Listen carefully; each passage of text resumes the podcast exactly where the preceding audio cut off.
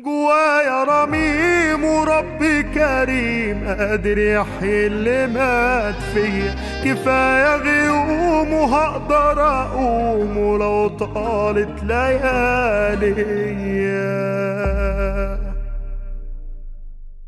المثالية مش عكسها التسيب. أنا مش عايزك تسيب مثاليتك وأخلاقك العالية وتبقى متسيب. أنا نفسي إن إحنا نبقى واقعيين ونعيد بناء علاقتنا مع الواقعية. عشان تعيد هذا البناء في قلبك يستريح كده أول حاجة محتاج إنك أنت ترضى بقضاء الله في تنوع أصناف معادن الخلق. أيوة النبي قال كده عليه الصلاة والسلام الناس معادن كالذهب والفضة الناس مش زي بعض.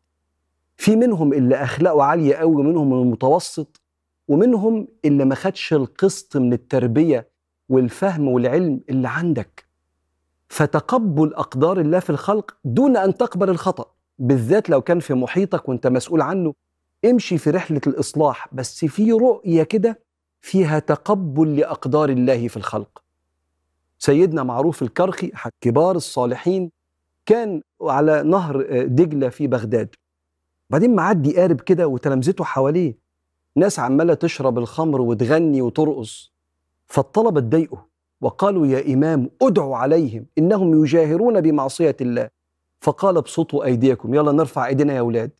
اللهم كما فرحتهم في الدنيا ففرحهم في الآخرة. فقالوا يا إمام تدعو لهم؟ قال نعم.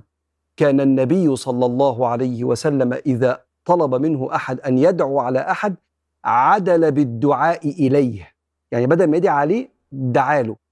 وكان سيدنا النبي عليه الصلاة والسلام لما أصيب في غزوة أحد الصحابة قالوا له ادعي على المشركين. قال لم أبعث لعانا إنما أنا رحمة. اللهم اغفر لقومي فإنهم لا يعلمون. وبعدين قال لهم معروف الكرخي فوالله لن يفرحهم الله في الآخرة إلا إذا تاب عليهم في الدنيا. كأنه بيقول لهم يا جماعة لما أدعي لهم إن ربنا يفرحهم ده جواه الدعاء إن ربنا يهديهم وياخد بإيديهم. فده شيء من التقبل. تقبل إيه؟ تقبل إن في حد مش هيبقى زيك في قربه من ربنا ولا في قيمه. لو ليك عليه كلام اتكلم معاه. مالكش عليه كلام قلبك يبقى رافض وبتدعي بمنتهى السلام والمحبة من غير استعلاء. إحنا كويسين وهم وحشين. لا أخلاقيا ولا دينيا. عايز أفكرك كمان عشان تتصالح مع الواقعية بكلام سيدنا النبي عليه الصلاة والسلام على طبيعة خلقة الإنسان. قال إن الله خلق آدم من قبضة قبضها من تراب الأرض. فجاء الناس على قدر الأرض. الناس جت شبه الأرض. فمنهم الأبيض شبه التراب الأبيض ومنهم الأحمر ومنهم الأسود ومنهم السهل اللي زي الرملة الناعمة ومنهم الحزن اللي شخصيته فيها شدة زي الصخور. وكل واحد اختبار. ما هو السهل ده مش المفروض يبقى مستباح. اختباره في إنه طيب والتاني الشديد مش المفروض إنه يبقى قاسي ومهين فاختباره في شدته. الناس مش زي بعض. فتقبلك لأقدار الله يرجعك للواقعية مع حرصك على الإصلاح فيما تستطيع والدعاء فيما لا تستطيع.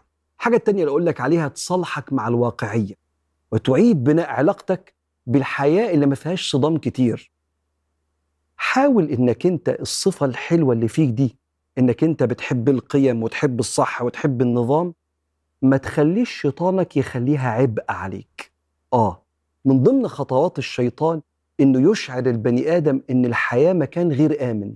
فيهوش أمانة ومفيش ناس محترمة بتحترم كلمتها بتحترم وعدها وبتحترم الطوابير وبتحترم الوعود. لما تحس بعدم الأمان صفاتك الحلوة تبقى عبء عليك.